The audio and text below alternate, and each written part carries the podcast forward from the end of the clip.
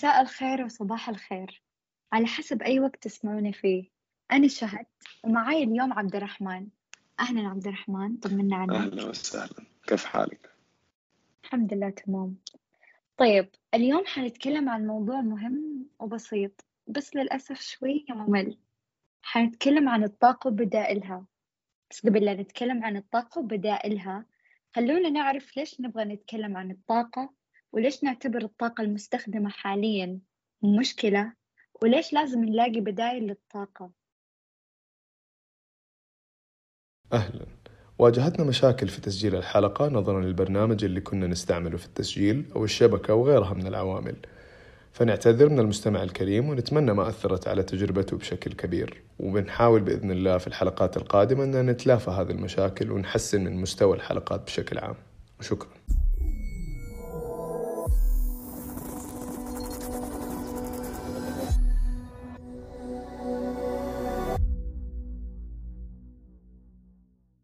طيب يا عبد الرحمن كلمنا شوية عن الطاقة. إيش هي الطاقة؟ طيب آم، طاقة في أبسط آه، صورة هي خاصية للمادة وتتحول من شكل لآخر.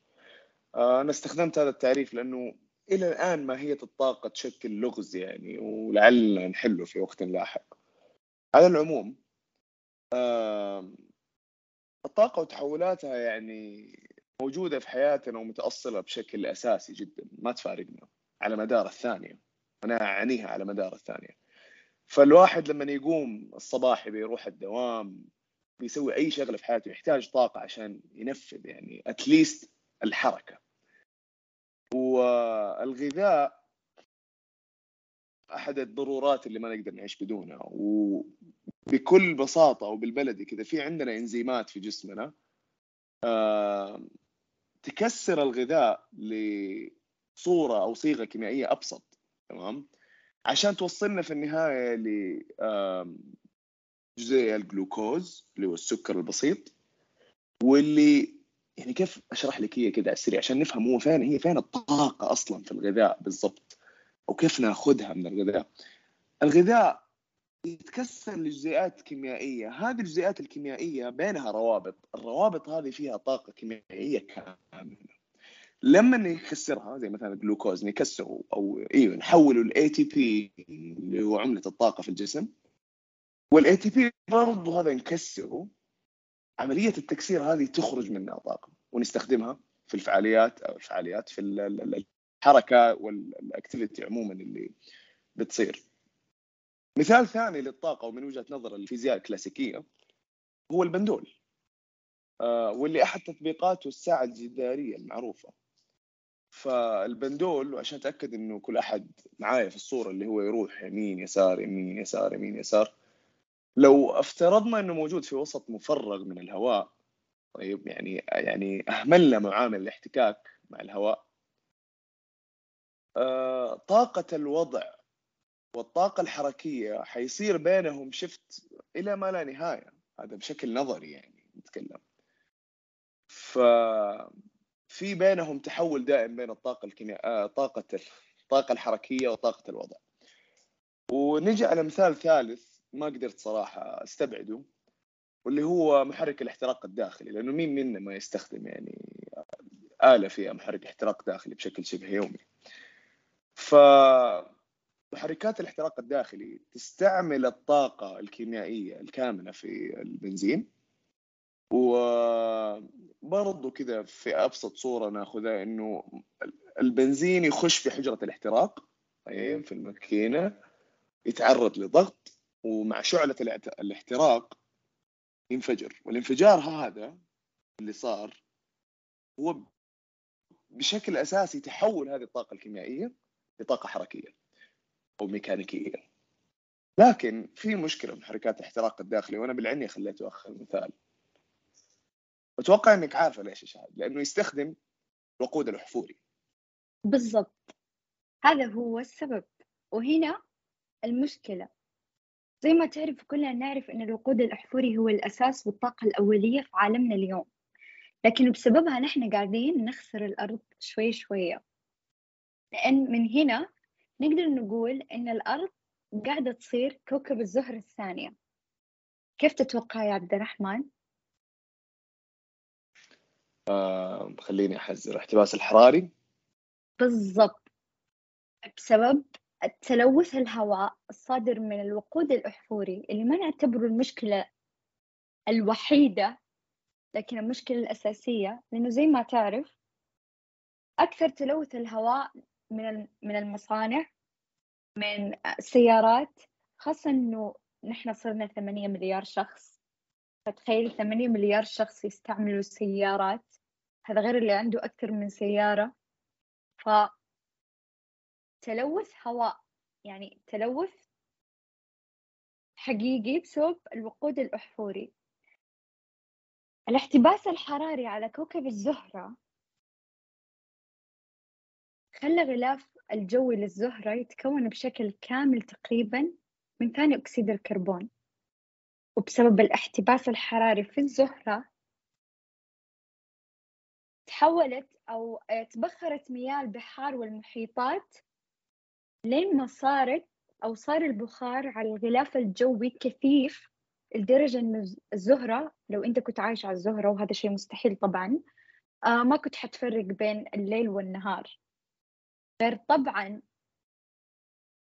الضغط الجوي الخانق جدا اللي يعادل 90 مرة من ضغط الجوي على الأرض. غير إنه الغيوم في الزهرة تتكون من حمض الكبريتيك. من هنا نعرف إنه الزهرة خرجت من منطقة الصالحة للحياة للمنطقة الغير الصالحة للحياة وصار فيها جموح تأثير الاحتباس الحراري. عشان كذا نحن خايفين على الأرض لأن الأرض ولو إنها لا زالت في منطقة صالحة للحياة إلا إنها قاعدة تعاني من احتباس حراري.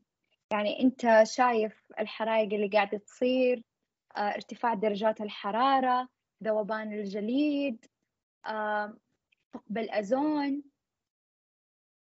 فمن هنا لازم نتطرق أو نلاقي حلول بديلة. تكلم عن إيش هنا تحديدا؟ عن الطاقة وبدائلها. بديل نعم. تعرف إيش هي الطاقة البديلة يا عبد الرحمن؟ من هنا يا عبد الرحمن لازم نعرف إنه نحن كبشر لازم نلجأ لطاقات بديلة. والطاقة البديلة هي شكل من أشكال الطاقة اللي نستمدها من المصادر الطبيعية زي مثلا الطاقة الشمسية أو الطاقة المائية أو طاقة الرياح أو الطاقة النووية. بس زي ما تعرف نحن ما نقدر نعتمد عليها اعتماد كلي. تقدر تقول لنا الأسباب؟ آه طبعا أول سبب يعني هو بشكل عام ممكن يطبق على جميع الطاقات البديلة إنها صعب التحكم فيها يعني مثلا ممكن نعتمد على الطاقة الشمسية في السعودية مثلا آه يعني اعتبارا لموقعها الجغرافي لكن ما حنقدر نعتمد عليها مثلا في دول الإسكندنافية أو حتى في. فهمتي في دول مثلا أو في مناطق في العالم ما تشمس كثيرا مثلا أو تكون آه، السماء غيمة كثيرا أو حتى حتى في السعودية حتى في المناطق اللي فيها شمس دائما. آه، ما تقدر تتحكم في السماء إذا هي حتوصل شمس زي الناس ولا لا. هذا واحد. وحتى الرياح نفس الشيء. ينطبق عليها نفس الكلام. بالنسبة للطاقة المائية هي من أكثر الطاقات اللي تستخدم الدول يعني المنتجة. آه، زي الولايات المتحدة. لكن يعني برضو يعني ما تقدر تتحكم في مثلا آه، اللي هي يسموها الاسطح المائية مثلا لأنه تتحكم فيها مثلا مواسم. عموما آه، وأحد التبعات السلبية اللي ممكن تكون لها إنه ممكن نأثر على الحياة البحرية أو اللي هي المائية. ف يعني حتى الطاقة البديلة طبعا لها سلبيات وأنا وظيفتي إني أجي اقولها يعني الحين تفضلي أنت قولي الصورة الملائكية أيوة للطاقة الطبيعية. طبعا ما في ما في ما في صورة ملائكية لأي شيء في الحياة. بس أنا كمان قريت عن الطاقة المائية إنه زي ما تعرف الأرض قاعدة تنهار قاعدة ترتفع درجات الحرارة فممكن إن المحيطات والسدود والموية اللي نحن مجمعينها من سنين تتبخر. غير آم، الناس العاملين في هذا المجال الطاقة المائية آه، ممكن تتعرض حياتهم للخطر. فهنا مشكلة. كمان طاقة الرياح طاقة صعبة لأنه نحن ممكن نعرض هنا آه، الحياة أو حياة الطيور للخطر. زي ما تعرف أنت طاقة الرياح آه، تكون الطواحين الطواحين فيها شفرات. ممكن تأذي هذه صحيح. الطيور. بالضبط. فما نقدر نعتمد على الطاقة البديلة كاعتماد كلي. يعني كل شيء له إيجابيات وسلبيات. يعني ما ننكر إنه حتى الوقود الأحفوري له إيجابيات. طبعا هذا يعني بالنسبة للوقود الأحفوري يعني okay. في مثلا من المشاكل اللي إحنا نعرفها مو لازم نعيد ونزيد فيها التلوث ومن ذا الكلام. لكن للأمانة هو إلى الآن يعني غير إنه مصدر ممتاز لدخل كثير من الدول منها دولتنا الله يحفظها. بس أساسا في منتجات استهلاكية كثير تقوم عليه بشكل أساسي يعتبر ركيزة في آه، خط إنتاجها. زي ال- ال- البلاستكس وبعض حتى هذا الشيء الجديد اللي كان عليه بعض اللي هي الشركات الأدوية تستخدم مثلا مركبات إحنا نستخرجها من البترول. ولعل في أشياء ثانية يمكن ما مرت علي يعني أغلبكم يعرفها. ف يا أيوة يعني ما نقدر نعتمد على الوقود الأحفوري اعتماد آه، كلي. في نفس الوقت ما نقدر نعتمد على نوع واحد من الطاقات البديلة بنفس الوقت. فأنت إيش رأيك قطعا ما؟ تكفي. والله ممكن ناخذ من هنا ومن هنا ومن هنا بس نسينا نتكلم عن الطاقة النووية. ولا مأجلينها إحنا؟ أوه الطاقة النووية هي أهم الطاقات. أصلا أحس إنها أكثر طاقة يعني حازت على جدل خاصة الفترة الأخيرة. هي تعتبر طاقة بديلة بس للأسف اللي صارت كمان. بالضبط بس ما هي طاقة متجددة. تعتبر طاقة غير متجددة. زي ما تعرف الطاقة النووية هي عبارة عن انشطار يورانيوم. آه نقدر نستعمله في توليد الكهرباء ونقدر نستعمل الحرارة اللي ناتجة عن هذا الانشطار آه يعني في أي شيء في الحياة. هي تعتبر آه الطاقة اللي ما تنتج غازات دفينة لما نستخدمها. بس فشل عمليات الانشطار النووي يشكل عائق. غير كذا النووية أثرها السلبي كبير مرة. يعني أنت شفت الحوادث شفت مثلا تشيرنوبل فوكوشيما آه أكيد. أيوة يعني. يعني تخيل تشيرنوبل أثرها للآن موجود رغم إنه يعني هي ما هي حرب نووية هو بس مفاعل نووي انفجر سبب كارثة. كل الأشخاص اللي كانوا عايشين بذيك المنطقة حتى اللي كانوا بعيدين عنها تضرروا ولو من الإشعاعات ولو ما تضرروا في وقتها حيتضرروا على مدى الزمن يعني على مدى سنين. سرطانات الجلد آه، ذوبان آه، ال- أنا بقول لك هو لما صار الانفجار ما كانوا مستوعبين إنه آه، قلب المفاعل النووي انفجر لأنه تقريبا هذا الشيء مو مرة وارد إنه قلب المفاعل النووي ينفجر. آه، اكتشفوا إنه انفجر من مادة الجرافيت. ما أعرف لو تعرف بس الجرافيت مادة مسالمة اللي هي اللي موجودة في أقلام الرصاص. اللي في أقلام الرصاص إيه. أيوه. كان أي شخص قرب الانفجار هذا إذا مسك أي سطح جلده يتحلل يذوب في وقتها. من هنا اكتشفوا إنه قلب المفاعل النووي انفجر لأن قلب المفاعل النووي متكون من هذه المادة الجرافيت. فهذا سبب حوادث وخيمة لليوم تشيرنوبل قاعدة تعاني منها. طيب يا عبد الرحمن بعد ما تكلمنا عن هذا كله نهاية الحلقة. إيش الحكمة اللي أنت بالضبط أنت إيش حتسوي عشان تساعد البيئة؟ ولو إنه العادات حتكون بسيطة مرة بس يعني قل لنا أنت إيش حتسوي. أنا عن نفسي لي فترة يعني لما أروح السوبر ماركت إذا مثلا كنت ماخذ شيء يعني حليب عيش وكذا أقدر أشيله بيدي يعني أو اني أصلا طالع السياره فخلاص ما أحتاج ما أخذ الكيس. هذه واحدة من الأشياء اللي أسويها. عندك شيء أنت معين تسويه؟ غير المصاصات حقت ستاربكس أنا أشوف انه ثقافة التوت باجز مرة ثقافة رائعة. أنا عجبتني الفترة الأخيرة وأشوف الناس كلهم قاعدين يستخدمونها. وأحس إني مبسوطة لأن الناس مدري هو وعي ولا بس موضة. بس يعني عموما كويس الأك... يعني. بالضبط أيوة. الأكياس القماشية أو الورقي... الورقية أفضل من الأكياس البلاستيكية.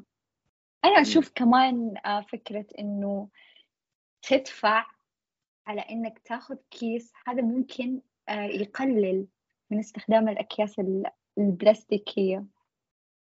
بس ما أعرف يعني. أنت إيش تشوف؟ وأنا متأكد إنه المستمع يعني قد سمع الكلام هذا قبل كذا إنه آه، إعادة التدوير و و و إلى آخره. أنا ما حقول اليوم سوي كذا وسوي كذا. أنا حقول ليش تعيد التدوير؟ أو ليش ممكن يفرق إنك أنت مثلا ما تأخذ كيس المره الجايه تروح تشتري فيها شيء. لأنه أول شيء هذه العادات إذا إذا تبنيناها كثقافة وروجنا لها طيب على مستوى مجتمعي وبعدين على مستوى دولي يعني بين المجتمعات ممكن يفرق في خمسة عشر سنين. مو عشان التأثير أنت كفرد ما أنت قادر تحس به معناته مو موجود. هذا واحد. ثاني شيء يعني جربت أخش على جوجل وأنا يعني قبل الح... قبل ما نسجل وأكتب إنه خمس أسباب تجعلك تعيد التدوير. أنا كتبت بالإنجليزي يعني بس قلت خليني أقول العنوان بالعربي ولقيت إنه في أسباب مرة كثير. يعني شفت هرجة مثلا أوه السلاحف وإنها بتموت وكذا. لا في أكثر من كذا كمان. يعني موضوع إعادة التدوير هذا ببساطة وأتوقع إنه برضو أغلبنا سمعه لكن أنا وأنا قد سمعت الموضوع نسيته وما تذكرته إلا قبل شوية. إنه فعلا يوفر كمية هائلة من الطاقة على الدول اللي ممكن تستخدمها في إنها مثلا تتخلص من النفايات أو حتى نفس الشيء في ال- الأشياء اللي ينفع إعادة تدويرها بدل البلاستيك لأنه البلاستيك لما نخلص منه نيجي نرميه ما نقدر نستفيد منه خلاص انتهى والفرد يتعامل مع مصادر الطاقة على إنها لا نهائية، ليش؟ لأنه الفرد موجود على الحياة هذه وفيه طاقة وبعدين يموت وفيه طاقة. طيب؟ ما بيفكر في البعيد. يعني على على سكيل أكبر من كذا يعني لو أخذنا خطوة لورا لا هي موجودة ومحدودة. طيب إلى حد ما. ف يعني خلينا نروج لثقافة الترشيد وإعادة التدوير وأي سلوك صديق للبيئة. هذا اللي نبغى نخرج منه بالحلقة من الحلقة اليوم. بالضبط. لازم نكون أشخاص أصدقاء للبيئة. يعني زي ما الأرض أعطتنا لازم نحن نعطيها. ولا نسيب الأرض تموت ونموت لا نحن؟ طبعا. ما في ولا كوكب حيستقبل نفكر في اللي نفكر في إيه؟ نفكر في اللي بعدنا بالضبط. وبكذا خلصنا الحلقة. شكرا يا عبد الرحمن. مرة شكرا لك اليوم. انت النقاش كان جميل جدا ومثري صراحة أتمنى إن اللي يستمع استفاد كمان وما راح تعبنا هباء منثور لا إن شاء الله. وأنا أتمنى شيء ثاني من المستمع إنه يشاركنا رأيه عن الحلقة ويشاركنا آراءه عموما على الموضوع اللي تكلمنا فيه البيئة إنه تعرف أكيد الناس بيسمعونا من خلفيات مخت- مختلفة وإحنا مهتمين نقرأ ونسمع. وأخيرا وليس اخرا اللي عنده نقد بناء أو هدام تفضل. وشكرا. وشكرا.